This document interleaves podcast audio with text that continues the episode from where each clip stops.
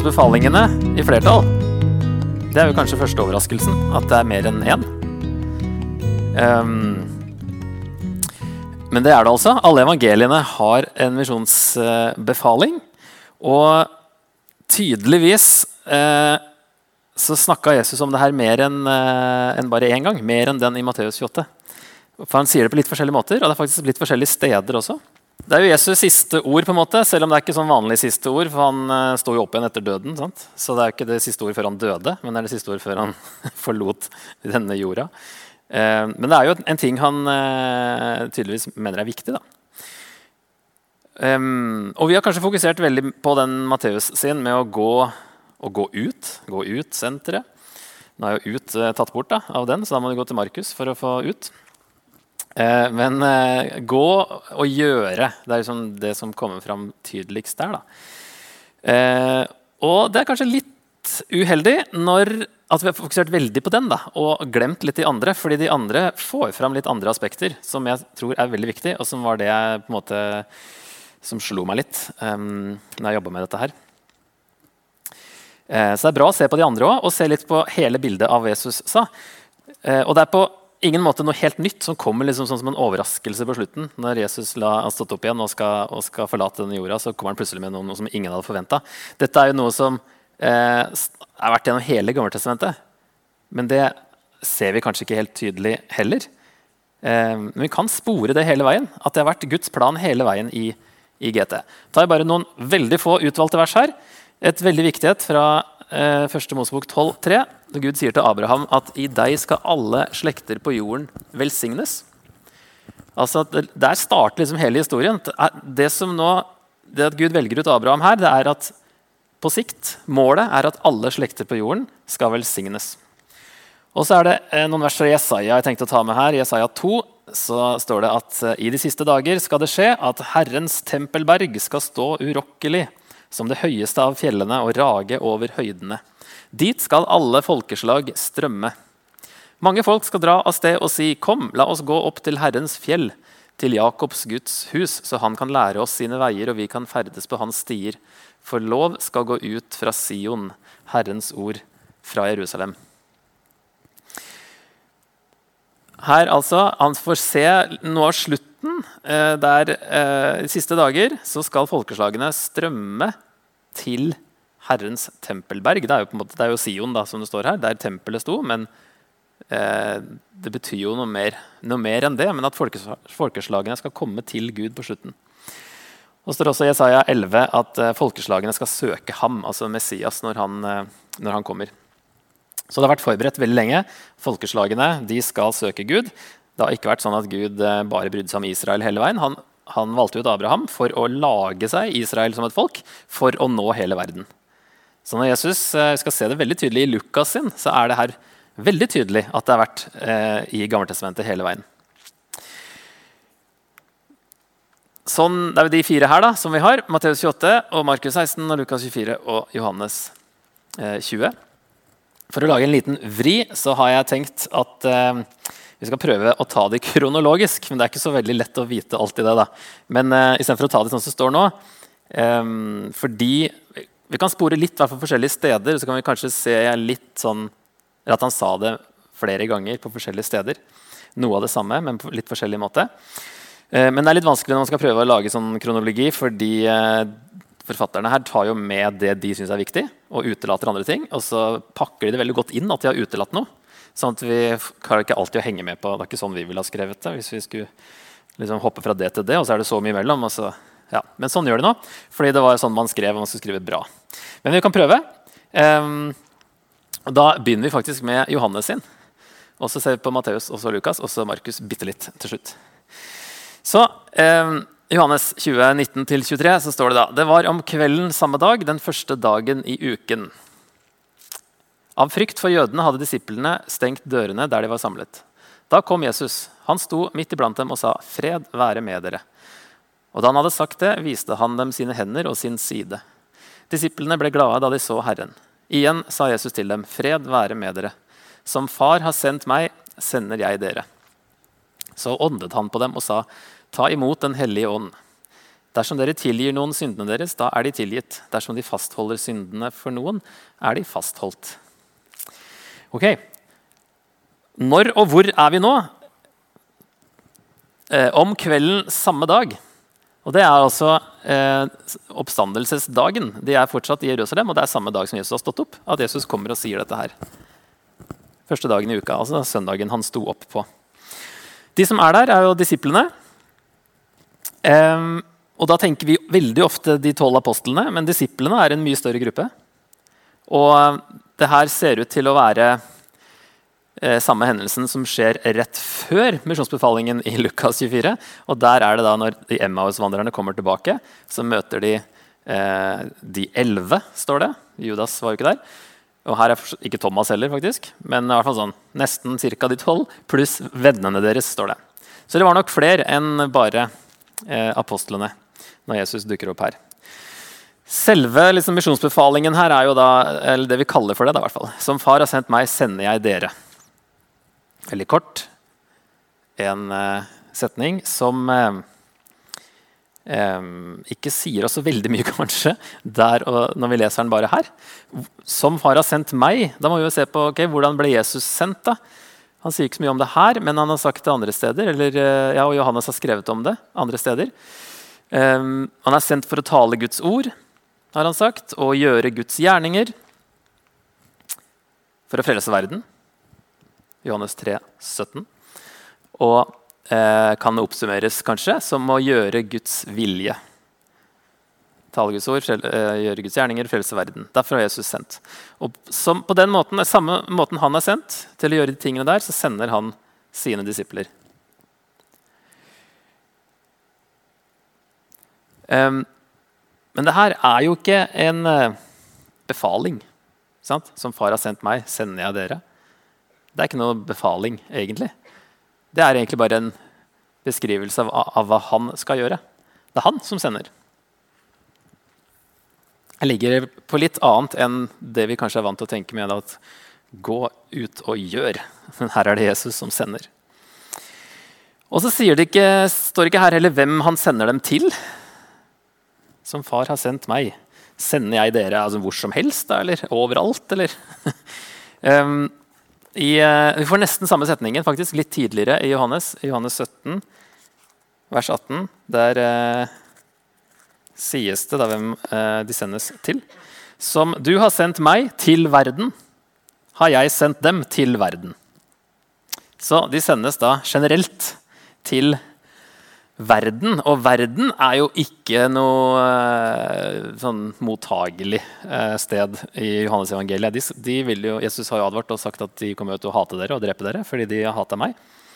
Og de kommer til å forfølge dere. Og en risikabel utsendelse å bli sendt til verden. Men han sender dem ut for å frelse verden, da, som han selv kom for å gjøre. Men de sender seg ut med budskapet om frelse.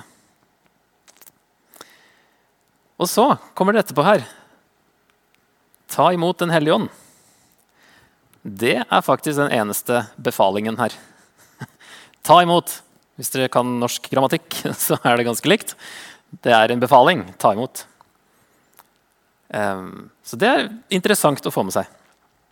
De, de, sendes ut, men det viktigste for dem her, i hvert fall det som der trykket ligger på hva de må gjøre, det er å ta imot ånden. Og så blir vi liksom opphengt i at uh, Hvorfor sier han det nå? da? Det er jo lenge før pinsedag. Uh, Apostelens gjerninger 2. Uh, eh, fikk de ånden her når de Ja, her, eller Apostelens gjerninger 2. Um, så sier han nå i, i uh, kapittel 16 her, så sier han i vers 7 det er det beste for dere at jeg går bort, for dersom jeg ikke går bort, kommer ikke talsmannen til dere. Men går jeg bort, kan jeg sende ham til dere. Altså Ånden. Så han sier jo at han kan jo ikke sende ånden før han har gått bort sjøl. Og jeg tror han mener 'gått bort' som i himmelfarten, og ikke 'gått bort' som i død, og så stå opp igjen. Men det kan jo hende, men jeg tror ikke de brukte uttrykket helt sånn som vi gjør på norsk. Um, et, vanligvis forstår man det som at han måtte bli tatt opp til himmelen, og så kunne han sende ånden. Og da, da er vi jo liksom pinsedag, som er den naturlige hendelsen. Men her er det eh, kan si Enten er det en forsmak, eller så er det et frampek. Eh, kanskje de fikk Den hellige ånd her. De var i liksom en litt sånn annen situasjon, fordi de hadde jo ikke eh, Ånden hadde liksom ikke kommet helt ennå. Etter det så får jo alle Den hellige ånd når de kommer til tro, men her kanskje de fikk Den hellige ånd. Og så blir de fylt av Den hellige ånd på pinsedag. Det er en mulighet. Eller et frampek. At han sier på en måte 'ta imot Den hellige ånd'. Det skjer ikke akkurat nå, det skjer snart. Men ta imot da. Jeg tror ikke det er noe problem da, at det står her, men det er litt annerledes enn de andre. Og så sier han at han sier jo det mens han åndet på dem. Eh, og det er et ord som faktisk bare brukes her i Nytestamentet, men det brukes noen, eh, ja, flere ganger i greske, den greske oversettelsen av Gamletestamentet. Eh, og der, bl.a. i første Mosebok 2, når Adam eh, får liv Gud blåser liv inn i Adam. Og i første kongebok 17 der er det Elia som eh, i den greske teksten står det at han blåser liv i den eh, døde gutten til enka. Og så er det Esekiel 37 når eh, han har det synet om eh, de døde beina i den dalen, og så blåser Gud liv inn i det. Så i mange tilfeller, sånn ca. halvparten hvert fall, av det jeg kunne sjekke, så handler det om at Gud blåser liv i døde ting når dette ordet brukes i Gammeltestamentet. Og her er det eneste gang det brukes i Nytestamentet. Så her skjer det noe nytt Eh, kan vi nok si. Nytt liv, en nyskapelse som skjer. At Gud blåser nytt liv inn i kanskje døde ting. Eh, og Jesus gjør det her. og eh, i hvert fall er det tydelig at de må ta imot Den hellige ånd. Om det skjer her eller om det skjer på pinsedag, så må de i hvert fall ta imot for at, uh, skal, at denne sendelsen skal bli uh, mulig, eller at det skal bli en grei opplevelse å bli sendt. Um, så kommer det litt rart til slutt her. Dersom dere tilgir noen syndene deres, da er de tilgitt. Dersom dere fastholder syndene for noen, er de fastholdt. Altså, I Johannes så er dette det eneste stedet det snakkes om tilgivelse for syndene. faktisk. Eh, men det snakker mye mer om at synder ikke blir tilgitt i Johannes evangeliet. Det er liksom sånn negativt. på en måte. Men eh, fordi Johannes legger vekta på at eh, dommen skjer allerede nå hvis du ikke tror. Den som ikke tror, er allerede dømt. Sånn at Da blir syndene ikke tilgitt hvis man ikke tror. Men det motsatte er jo også sant. Hvis man tror, så blir de tilgitt. Så Det henger jo alltid sammen med å tro på Jesus. Så det er ikke at disiplene skulle gå rundt og bare bestemme hvem som kunne få syndene tilgitt. Her er det jo på en måte eh, en annen måte å si da, forkynne evangeliet på. Hvis de tror, da kan dere si syndene er tilgitt syndene deres er tilgitt. Og da, da, er de det, faktisk. Selv om Jesus sjøl ikke er der, så har han da eh, delegert autoritet til dem. Og hvis man, noen ikke tror, så kan dere da med si, denne delegerte autoriteten fastholde syndene, at de ikke blir tilgitt, fordi det kommer an på tro på Jesus. Så jeg tror det er en litt sånn Johannes-måte å si bare forkynne evangeliet. Eh, og med Jesus, Jesu autoritet. Og det er, altså disse, som du sa, Løfter fins det mange av i Bibelen. Og vi er veldig kjent med den 'Jeg er med dere alle dager' inntil verdens ende. Løftet her, fordi de har noen løfter, alle disse misjonsbefalingene. Um, virker som det her er et løfte, altså denne autoriteten. Dersom dere tilgir noen, da er de tilgitt. Um, men så tror jeg det henger sammen med det rett før. da, Ta imot Den hellige ånd. Uh, og Det også er et løfte, og det er kanskje tydeligere i de andre. Men jeg tror vi kan dra de sammen, begge to her. At um, de henger litt sammen.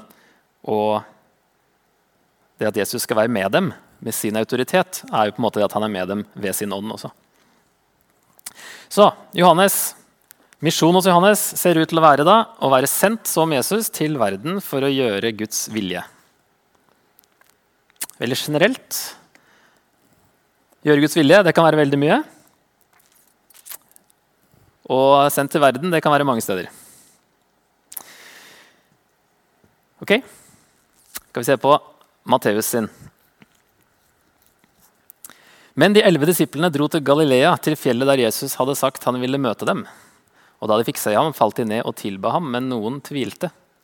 Da trådte Jesus fram og talte til dem. Jeg har fått all makt i himmelen og på jorden. Gå derfor og gjør alle folkeslag til disipler.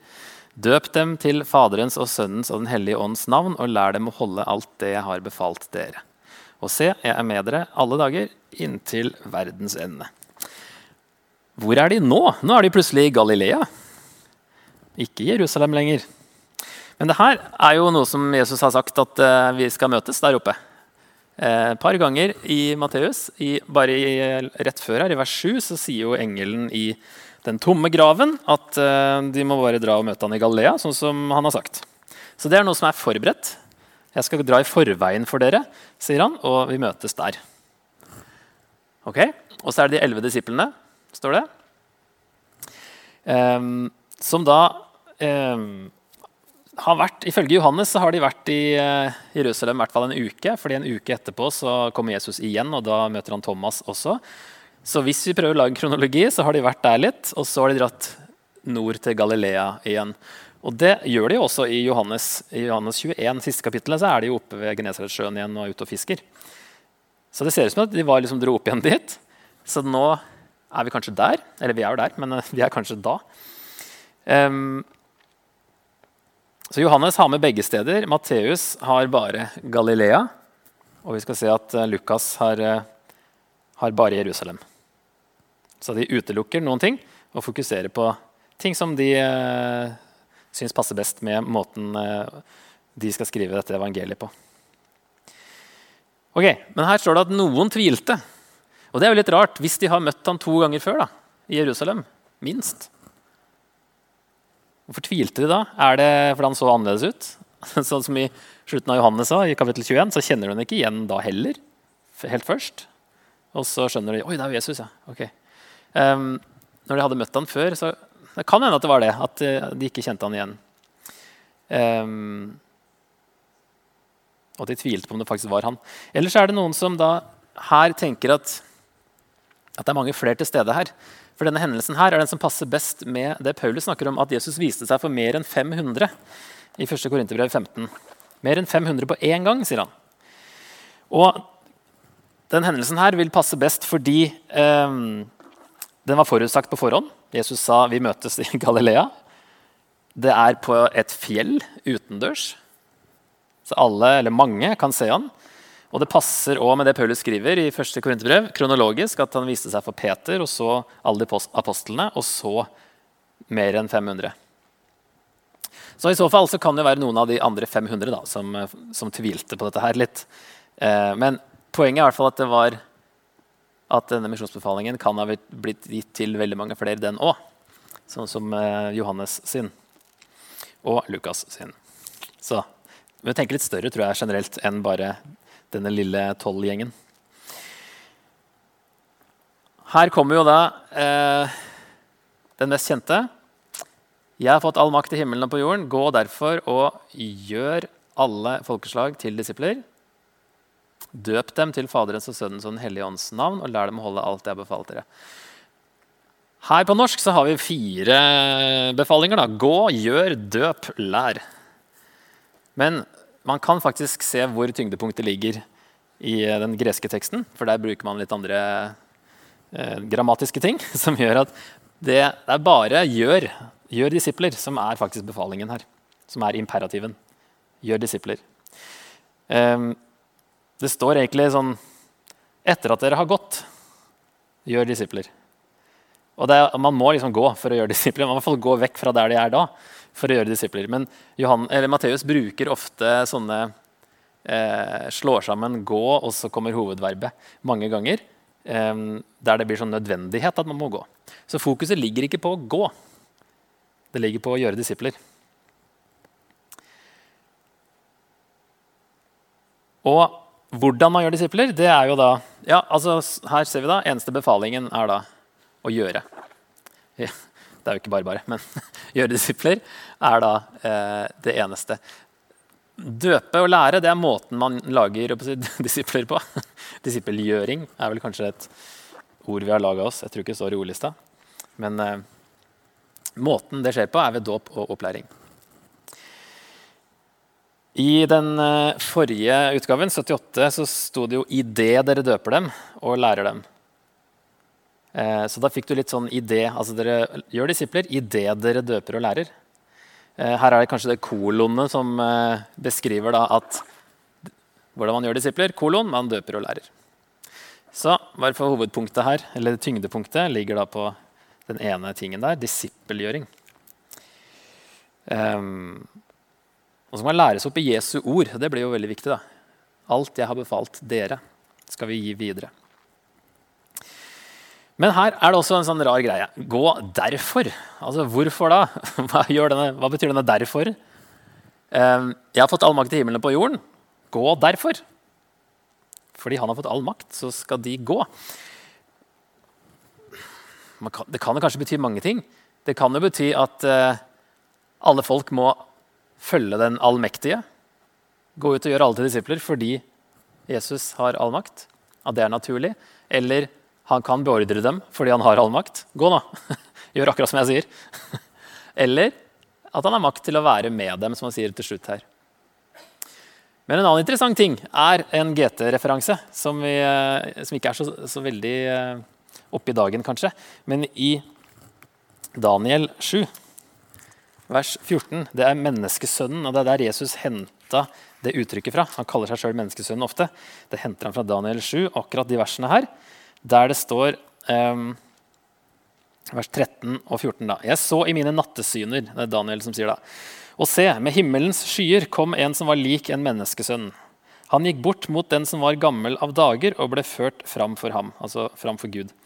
Han fikk herskermakt, ære og rike, så alle folk og nasjoner og tungemål skal tjene ham. Hans herskermakt er en evig makt som ikke skal forgå.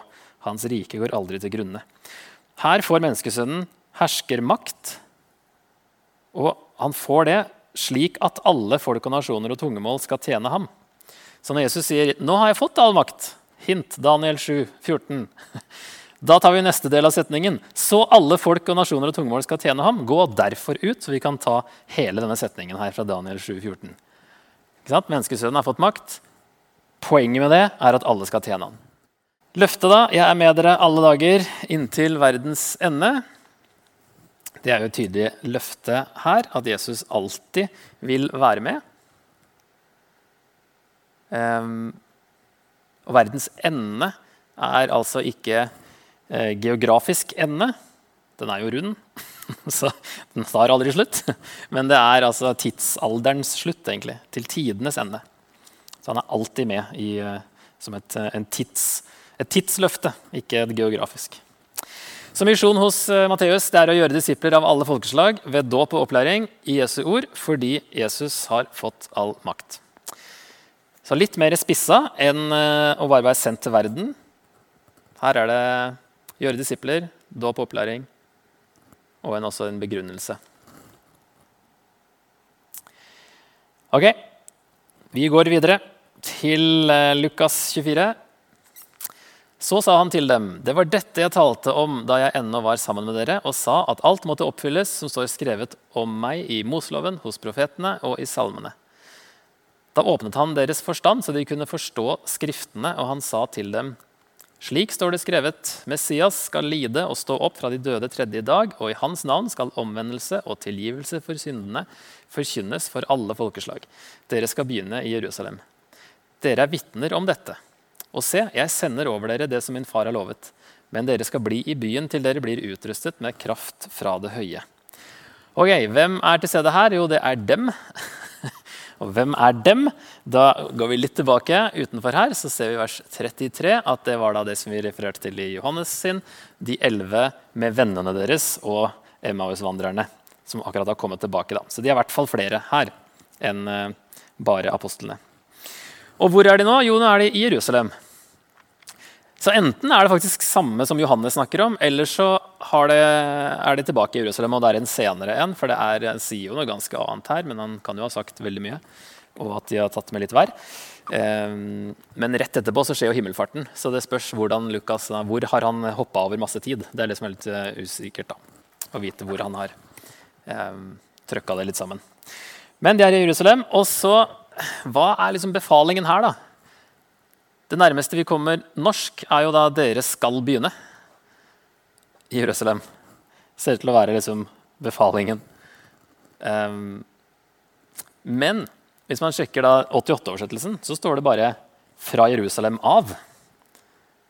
Og i, eh, på engelsk står det 'beginning in Jerusalem'. Så Der står det ikke en tydelig sånn befaling 'dere skal begynne der'. Og da blir man litt nysgjerrig. I hvert fall noen, og eh, finner ut at her står det egentlig, hvis du skal oversette det, så står det 'havene begynt'.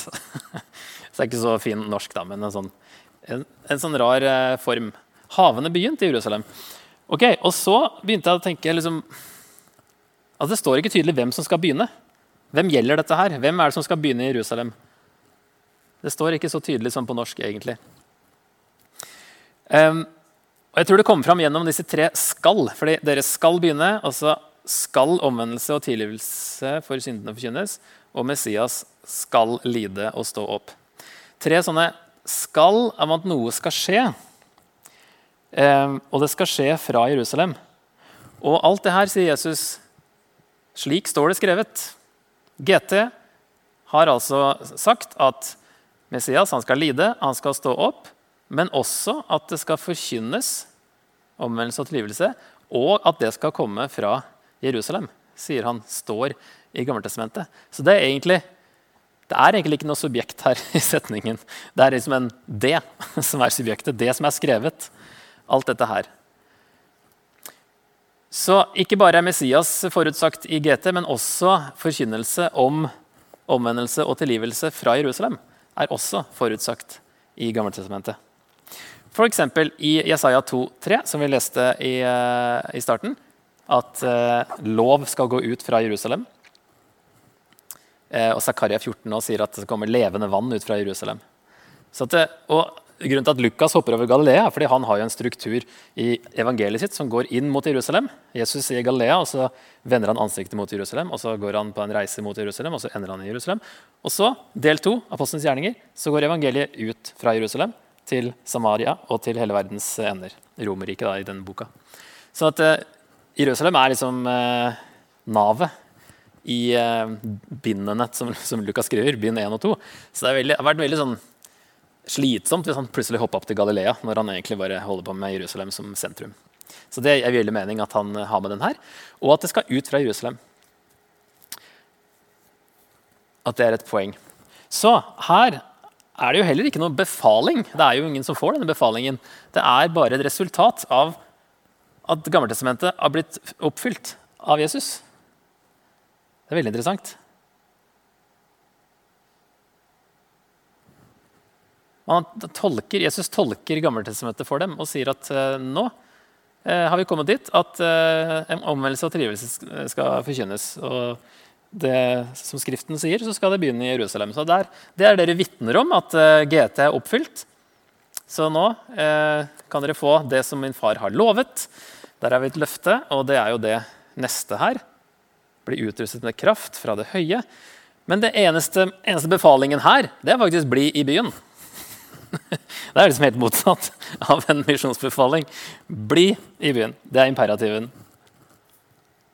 Um, så det også må vi få med oss. Her er det igjen litt fokus på ånden. Der ligger befalingen. Ikke prøv på egen hånd. Vent. Dere klarer ikke det her alene. Akkurat som i Johannes. Ta imot Den hellige ånd. Så må dere vente. Så hos Lukas er det da misjon å forkynne omvendelse og trivelse for alle folkeslag som en konsekvens av at Jesus har oppfylt GT. Det er veldig spennende med sånne lange linjer.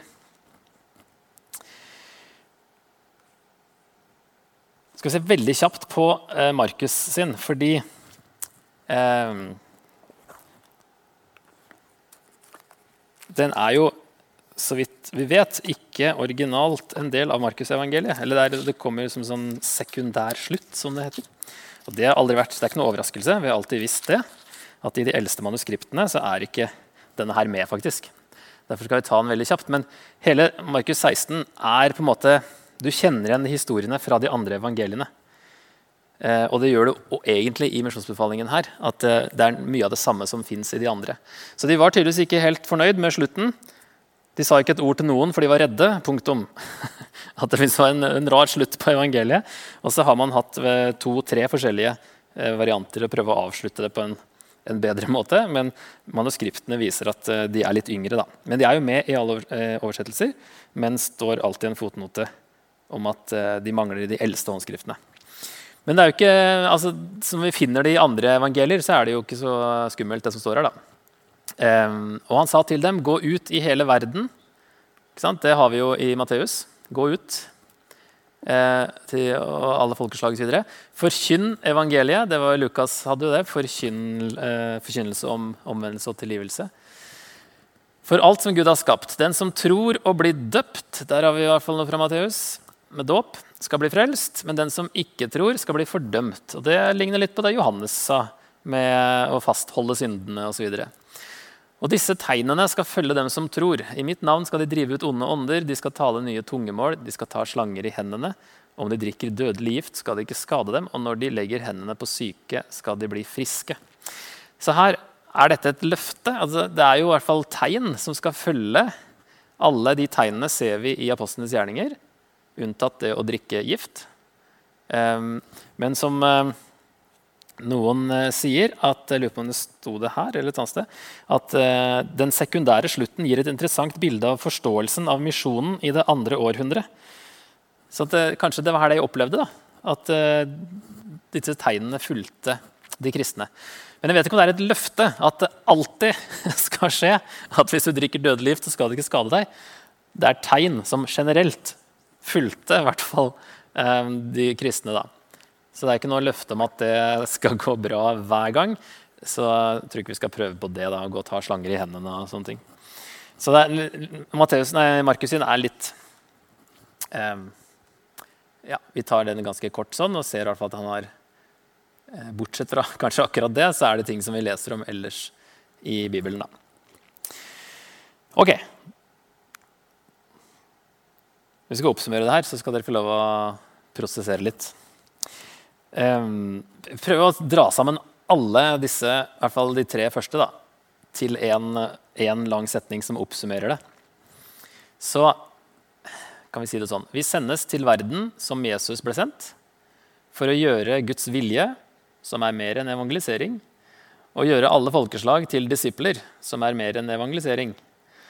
Ved å forkynne omvendelse og tilgivelse som en del av Guds evige hensikt med verden og ved hjelp av Hans ånd. Det blir litt lang setning, men når man har tre stykk som fokuserer på litt forskjellige ting, så må man, eh, blir det litt langt. Men gjøre Guds vilje og gjøre alle forslag til disipler er litt større oppgaver enn å bare gå ut og evangelisere. Og befalingen har vi sett, er like mye å bli utrustet av Ånden som å gjøre oppgaven. To av de legger vekt på ta imot Ånden. Og vent til dere blir utrusta. Og løftet er at Jesus alltid er med ved sin ånd og utruster oss. Og eh, det er på en måte naturlig for menigheten, som er Jesu kropp, at vi fortsetter hans oppgave. Vi har fått nådegaver òg for å få evangeliet ut og for å bygge opp menigheten. Og De to til sammen kan man jo si er å gjøre disipler.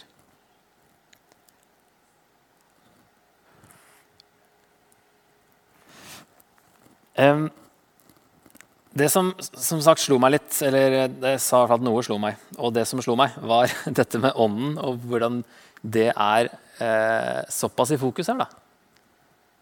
Å bli utrusta av ånden. Sånn at eh, Jeg la merke til at det bildet jeg hadde brukt i starten her Jeg hadde jo brukt det på forrige utgave av denne presentasjonen. Og først nå la jeg merke til at øverst der oppe så det er faktisk ånden. Og det var sånn, Jeg hadde ikke fått med det. Det er bare Jesus og verden, og han sender oss. Litt, sånn, litt fokus på det her gå og gjør. Og så må vi huske på at det er minst like viktig, dette med ånden.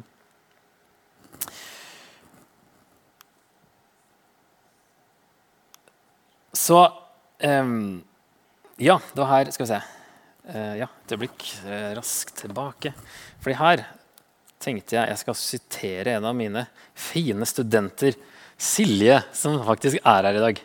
Jeg fikk lov å sitere det her fra en andakt som hun skrev, uh, som jeg syns passer eller drar veldig sammen alt det her nå. så står det, eller Der skriver Silje. Iblant kan det kjennes overveldende å skulle ta på seg oppgavene som Jesus gir oss, og forkynne Guds rike til andre mennesker be for noen som er syke, osv. Da er det lurt å ta et skritt tilbake og se hvem som egentlig står bak frelsen av mennesker, og hvem det er som utruster oss til å hjelpe. Jesus sier til dem, 'Følg meg, så vil jeg gjøre dere til menneskefiskere'. Han forteller dem at det er ved hans ledelse og hjelp de skal bli menneskefiskere. Det er ikke av deres egen kraft, men Guds kraft. Det er kun med Guds kraft evangeliet frelser. Det er kun med Guds kraft at folk kan forstå, og at Gud kan bli åpenbart for mennesker. Og det er kun med Guds kraft at mennesker kan bli helbreda.